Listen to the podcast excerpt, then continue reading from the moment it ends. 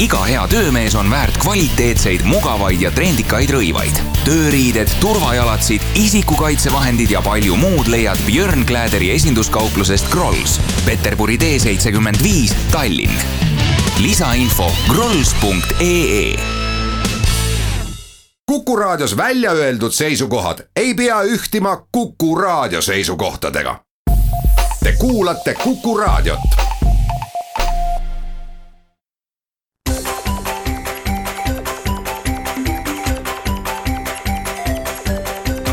Maksumaksja. Koostöös Eesti Maksumaksjate Liiduga.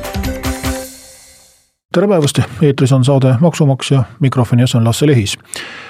täna räägiks kinnisvara teemal, nimelt üüritulu või majutusteenuse maksustamisest ajendatuna mm, eilsest uudisest selle kohta, et majutusportaal Airbnb hakkab Maksu- ja Tolliametile edastama infot siis klientide saadud sissetulekute kohta. noh, omaette teema, mille nüansse me kindlasti ei tea ja ei oska kommenteerida, et kuidas üldse sellistesse niinimetatud koostöölepingutesse suhtuda. ühest küljest äh, on äh, riikide maksusüsteemid üles ehitatud sellele, et äh, oodatakse inimeste ausust tulude deklareerimisel. teisest küljest on teada, et ähm, teatud valdkondades see ausus jätab soovida ja, ja ehk mingid distsiplineerivad meetmed oleksid vajalikud. samas äh, valmistab muret kindlasti see, kui maksuameti kätte satuvad väga suured andmemahud, mille kohta küll deklareeritakse, et need on kindlates kätes ja, ja midagi nendega ei juhtu ja, ja, ja võõrad silmad need ei näe, siis paraku me me oleme pidevalt tunnistajaks sellele, et andmeid lekib, andmeid varastatakse, juhtub igasuguseid äpardusi ja mida rohkem neid andmeid on, seda suuremad on ka need riskid. millest meie jaoks küsitav on asja õiguslik pool, ehk lisaks sellele, et Maksu- ja Tolliametil on õigus seadusest tulenevalt infot koguda ja selle kohta kohustuslikke ettekirjutusi teha, on aina rohkem hakanud levima info korjamine vabatahtlikult mm, nii, nii, nii taksojuhtide kui, kui siin nüüd majutuste ja, ja, ja väga paljudes muudes valdkondades on ka selliseid ettepanekuid tehtud ja, ja nendest viisakalt keeldutud, kus siis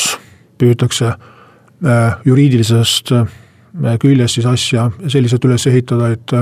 et äh, maksumaksjad ka siis nüüd just lausa ise tahavad, aga nad lihtsalt sunnitakse siis juba lepinguliste suhetega, ehk siis näiteks majutusportaali tingimustega, selle, see tingimusega leppima, et vastasel juhul lihtsalt ei ole võimalik äh, teenuseid äh, kasutada. Et siin eh, tekib eh, kindlasti väga palju õiguslikke küsimusi juba lepinguõiguse pinnalt, eh, võib-olla ka tarbijakaitse küsimusi, andmekaitse küsimusi. Ja me püüame kindlasti jõudumööda nende, nende teemade peale ka mõelda ja, ja vajadusel kaasata siis pädevaid asjamehi, kelle hinnangut küsida. kuid rääkida tahaks pikemalt sellest, mismoodi mm, peaks siis üks korteriomanik oma maksuasju ajama, et lähtudes siis sellest, et ta soovib oma tulusid deklareerida või peab siis leppima teadmisega, et tulevikus need andmed Maksu- ja Tolliametile jõuavad, siis mis nende andmetega seal siis edasi saab ja kuidas konkreetselt siis see tulumaksusumma tekib, millega arvestada äh, tuleb. kui nüüd rääkida äh, eraisikutest äh,, loomulikult neid korterid ja tube ja maju üüritakse välja väga palju ka mm, osaühingute kaudu ja ilmselt see trend kasvab ja kohe, kohe saamegi teada, miks ta kasvab, siis on aastaid teada, et eluruumi väljaüürimisest saadud tulult ikkagi väga suur osa ja võib arvata, et, et enamik isegi mm, jätab need tulud deklareerimata. Ja aastaid on ju selle nimel riik äh, tegutsenud, et teha see maksude maksmine noh, kuidas öelda siis meeldivamaks või vastuvõetavamaks ja teisest küljest siis ka kontrolli ja järelevalvet tugevdada ja see koostööleping on ilmselt üks näide sellest. Mm, kui nüüd rääkida sellest meeldivamast poolest, siis mm, hakkas ju kaks aastat tagasi kehtima tulumaksuseaduses muudatus, mille kohaselt saab tuludeklaratsioonis mm, eluruumi üüritulult maksukohustust vähendada kahekümne protsendi võrra, täpsemalt siis korrutatakse see deklareeritud üürisumma läbi null koma kaheksaga. mis siis arvestuslikult võiks katta neid kulusid, mida üürileandja võiks või peaks tegema selleks, et seda tulu saada. kui suured need kulud tegelikult on, arvesse ei lähe ja probleem paljudel puhkudel ongi selles, et see kakskümmend protsenti võib olla liiga vähe. eriti just lühiajaliste majutuste puhul, kus on sellist igapäevast hooldamist, pesu, pesemist, koristamist, katkiste asjade vahetamist, rääkimata ka niinimetatud kõrvalkuludest, mis pikaajalise üüri puhul on üldlevinud praktika, et lastakse üürnikul eraldi maksta, räägime siin korteriühistu arvest, räägime elektriarvest, veearvest, kanalisatsioonist, sideteenustest ja nii edasi, siis äh, lühiajalise majutuse puhul ju ei ole võimalik päevakaupa neid teenuseid mõõta, mis tähendab, et ka need kõrvalkulud äh, jäävad arvesse võtmata, ehk siis nende kõrvalkulude äh, katteks saadud teenustasu läheb samuti üürituluna maksustamisele ja siit tulebki mõtlemise koht, et kui me võtame sedasama booking.com'i või, või Airbnb.com'i, siis on ju selge, et nende portaalide kasutamisest tuleb ka vahendustasu maksta. ja paraku lugu on selline, et ka need vahendustasud ei ole kuluna maha arvatavad, ehk siis kokkuvõttes maksustatakse lisaks üüritulule tulumaksuga ära ka kõik need kulud, olgu voodilinade vahetus, seina värvimine, torude parandamine ja needsamad portaalide vahendustasud, kommunaalteenuste arved ja nii edasi. et siin selle koha peal oleks oodanud Maksu- ja Tolliametilt ka äh, mõningat innukust äh, selles osas, et kas äh, tuletada rahandusministeeriumile meelde, et seadust võiks teha sõbralikumaks või mõelda välja mõnikord, mõnikord Maksuamet oskab seda päris hästi teha, mõelda välja mingi kaval tõlgendus, kuidas need teenustasud ikkagi maksustatava tulu hulgast välja saada. sest mis on probleem, probleem on selles, et lühiajaline ruumide väljaüürimine majutuseks ei kvalifitseeru võlaõigusseaduse tähenduses eluruumi üürilepinguks, see tähendab, et mingit kahekümneprotsendilist vähendust ei ole võimalik teha. andmed korjatakse kenasti kokku, siis lahkete portaalipidajate abiga ja ka kahekümneprotsendilist vähendust teha ei saa, ühtegi kulu maha arvata ei saa. mida sellises olukorras teha, kohe pärast väikest pausi jätkame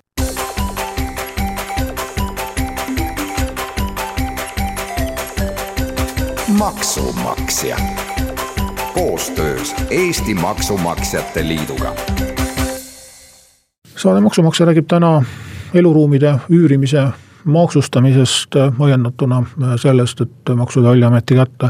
koguneb aina rohkem infot selle kohta, kui üüritakse korterid välja vahendusportaalide kaudu. ja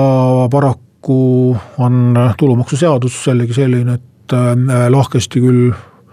võetakse kakskümmend protsenti kõigelt saadud rahalt äh, riigil ära, aga kulusid arvesse mm, ei võeta ja see on ka kindlasti üks põhjus, miks äh, nii väga neid üüritulusid ei kiputa ausalt deklareerima. ja kes vähegi tõsisemalt asja ette võtab, ma arvan, suhteliselt kiiresti jõuab järeldusele, et pigem tuleb Äh, osaühingu kaudu tegutseda, ehk siis äh, oma firma teha, korter sinna siis kas tasuta kasutamise lepinguga kasutada anda või lausa siis äh, müüa või või mitterahalise sissemaksega üle anda või, või, või pangalaenuga osta, oleneb, kuidas see korter on plaanis soetada, tähendab seda, et absoluutselt kõik kulud lähevad raamatupidamises kirja ja, ja seesama inimene, kes enne osaühingu asutamist oli justkui kirjaoskamatu ja ühtegi kuludokumenti justkui ei oskaks arvutada, pärast osaühingu asutamist ta muutub nägijaks ja kuuljaks ja mm, oskab kõike või siis maksab raamatupidamisteenuse eest, kui, kui ise ei oska, et see mm, vahetegemine on võib-olla natukene kummaline ja, ja, ja võiks võib-olla olla ikkagi julgust äh, seadust mm, selle koha pealt üle vaadata. ja üks põhjus, miks seadust võib üle vaadata, on see, et statistika kui palju siis inimesed üüritulu deklareerivad, tõsi, Maksu- ja Tolliamet on reibas, sellepärast et iga aasta see isikute arv kasvab. nii öeldakse ka siis aasta kaks tuhat seitseteist tuludeklaratsioonide kohta, et on seitsesada seitsekümmend kaheksa inimest, kes on siis üürinud eluruume juriidilisele isikule, see tähendab, kus on tulumaksu kinni peetud. seitsesada seitsekümmend kaheksa inimest kogu Eesti peale, aga kujutage ette, aasta tagasi oli seitsesada seitse inimest ja summa kaks koma kaks miljonit eurot. eraisikult eraisikule üüritud korterite üüritulu deklareeris kahe tuhande kuueteistkümnendal aastal viis tuhat kolmkümmend neli inimest, kahe tuhande seitsmeteistkümnendal aastal viis tuhat üheksasada üks inimest, kasv seitseteist protsenti. samas, kui me teame, et äh,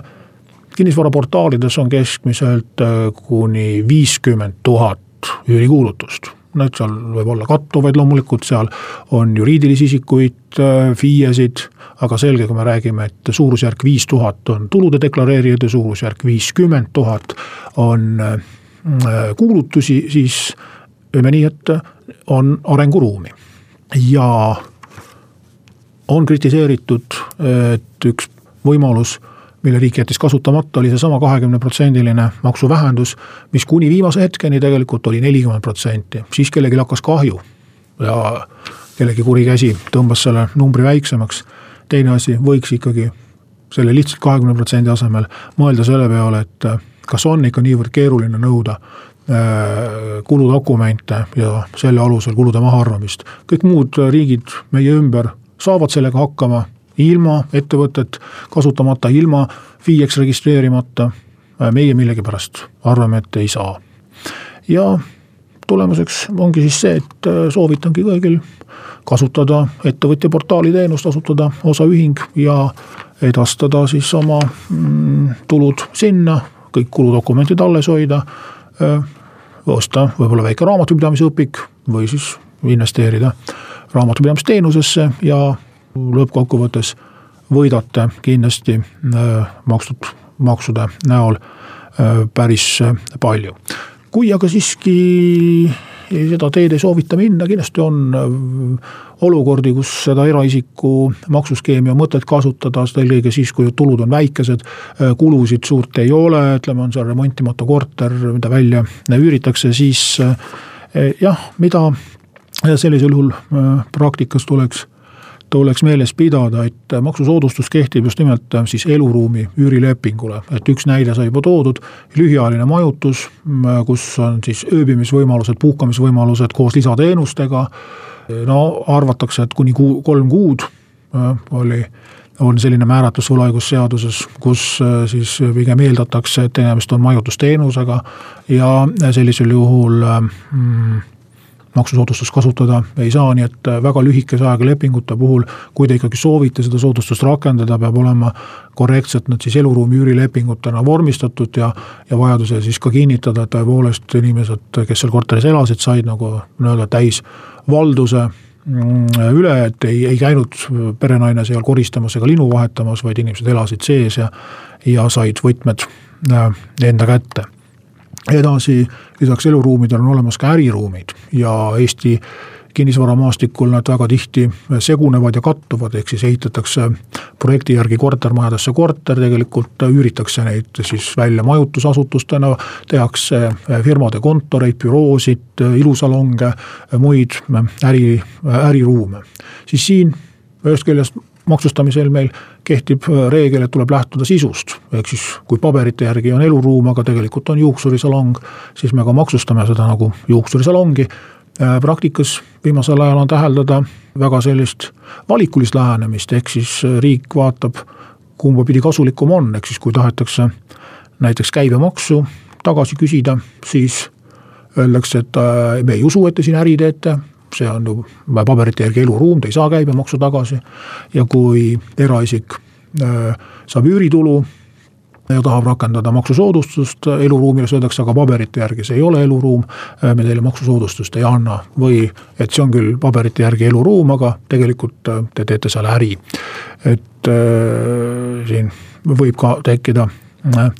arusaamatusi. siis on selline mõiste nagu kõrvalkulud mille osas on ka Maksu- ja Tolliameti kodulehel mm, väike meeldetuletus, et kõrvalkulud oma olemuselt on seotud asja kasutamisega. võlaõigusseaduse paragrahv kakssada üheksakümmend kaks ütleb, et kõrvalkulud on tasu teenuste ja tegude eest, mis on seotud asja kasutamisega. ehk siis kui üürnik korterit ei kasuta, siis kõrvalkulusid ei teki noh, elektrit ei tarbita, vett ei tarbita, prügi ei ole vaja vedada. sellised kulud, mis on olemuslikult seotud omaniku investeeringu säilitamisega või hoidmisega nagu maamaks või, või hoonekindlustus, kui me räägime omaniku vara kindlustamisest, mitte üürniku asjade kindlustamisest, siis need ei kuulu kõrvalkulude hulka. rääkimata omaniku kodulaenust või, või muust säärasest, siis sellisel juhul, kui neid ka lepingus kõrvalkuludeks nimetatakse see leping maksuametniku karmi pilgu alla satub, siis tähendab see tegelikult üüritulu saamist või täpsemalt siis üüritulu suuremaks arvutamist, kui, kui selline info välja peaks tulema. nüüd omaette teema on, kas näiteks korteriühistu remondifondi makset võiks ka siia alla panna, siin vähemalt siiamaani lähtutakse tervest mõistusest, et me ei hakka korteriühistu arveid tükeldama, vaid eeldame seda, et ükskõik, mis seal ka kirjas on, äh, laenumaksed, remondifondid, et äh, aktsepteerida neid kõiki kõrvalkuludena, kuigi teoorias see äh, ei pruugi õige olla, praktikas selline valik on mõistlik. ja üks asi, mida tahaks meelde tuletada, et kõik, kes on ette võtnud ja otsustanud ausalt deklareerida üüritulu või muud tulu äh, korterite väljaüürimisest äh, või majutusteenusele mm, pakkumisest, peavad meeles pidama, et äh, kui seda korterit müüma hakatakse, siis elukohana kasutamine annab tulumaksuvabastuse korteri müügist saadud kasule. kui kuni müügini on korterit kasutatud muul eesmärgil, see tähendab, et omanikud on sealt lahkunud Äh, andnud üürile. Või isegi piisab sellest teadmisest, et on tasuta mõnele sõbrale, sugulasele, tuttavale see korter antud kasutada ja see fakt leiab tõendamist, kas siis korteriühistu dokumendid, näiteks lepingud, maksedokumendid seda näitavad või, või on naabritel palju äh, huvitavat olnud täheldada ja, ja, ja, ja öelda. Äh, selle kohta, kes seal korteris elab ja, ja kes seal liiguvad, siis äh, võib äh, kaotada päris palju. Te olete küll omast arust seaduskuulekalt käitunud, ausalt riigile makse maksnud, ei ole tahtnud tühja korterit niisama ripakil hoida ja, ja, ja selle eest kulusid maksta, lõppkokkuvõttes võite hävida. ehk teatud olukordades meie tulumaksuseadus soosib ebamajanduslikku käitumist, kasulikum on lasta korteril tühjalt seista, niikaua kui ta ostjat ootab, e, ise siis neid kommunaalid kinni maksta, et jumala pärast seal keegi võõras inimene sees ei elaks, te saaksite öelda, et ma ikka ise elasin kuni e, müügiprotsessi e, alguseni, et ei peaks tulumaksu maksma, sest see summa, mis näiteks tasuta saadud korterite puhul, kui näiteks pärandina saadud, tähendab ju kakskümmend protsenti kogu müügihinnast, millest on võimalik ilma jääda, kui paar pisikest asja ära unustada või, või vales järjekorras teha, nii et siin on mõtlemisainet kindlasti korteriomanikel ja majaomanikel päris palju, et detailides mitte eksida.